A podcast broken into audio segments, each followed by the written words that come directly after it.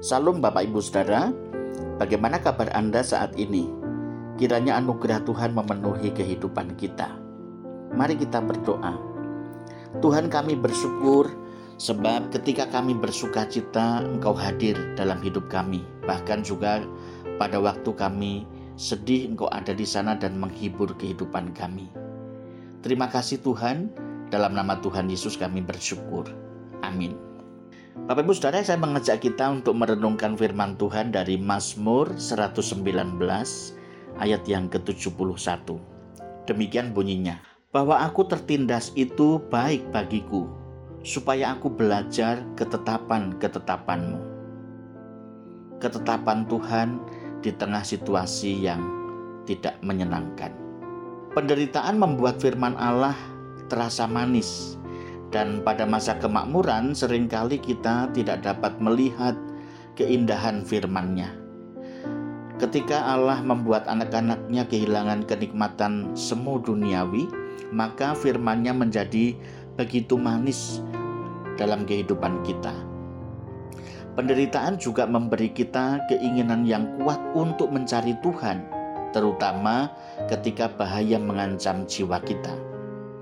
Kita dengan mudah merasa puas ketika lilin Sang Maha Kuasa menyala terang di dalam hati kita dan kemakmuran serta damai sejahtera ada di sekeliling kehidupan kita. Pada masa ujian, jaminan pasti dari Kristus dan kasih karunia-Nya yang sangat limpah ruah itu memenuhi kehidupan kita. Tidak ada saat yang lebih indah atau berharga selain saat ketika kita mampu bertahan dalam api ujian di hari Kristus. Penderitaan juga mendekatkan jiwa kita dalam persekutuan yang manis dan intim dengan Allah. Kemakmuran lahiriah menjadi penghalang utama persekutuan kita dengan Allah karena secara berlebihan kita menghamburkan kehendak kita demi harta yang fana dan membiarkan benda-benda itu berada di antara Allah dan hati kita dan mengganggu persekutuan dua arah yang indah dan intim dengan Tuhan. Umat Allah lebih sering tersandung oleh kenyamanan yang diperbolehkan karena perangkap ini tidak jelas dan ada di wilayah abu-abu. Kita tidak terlalu waspada terhadap dosa-dosa kecil. Ketika hati kita dibuai oleh kemakmuran, kita mengira dosa-dosa kecil tidak akan membahayakan, tetapi di sinilah justru kita tertipu oleh keinginan kita sendiri. Dosa kecil apa pun mempunyai natur dosa di dalamnya, seperti setetes kecil racun tetaplah racun.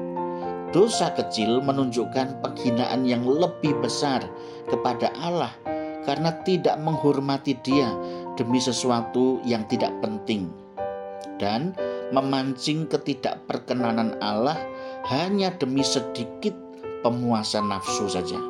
Tetapi sekarang penderitaan mematikan hasrat dan keinginan hati yang duniawi dan menimbulkan kepekaan hati nurani terhadap dosa.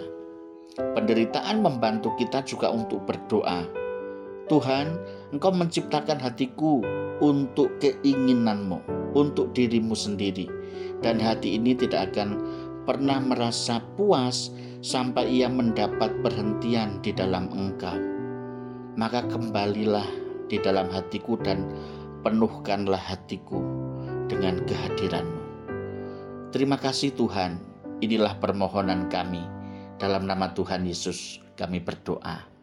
Amin.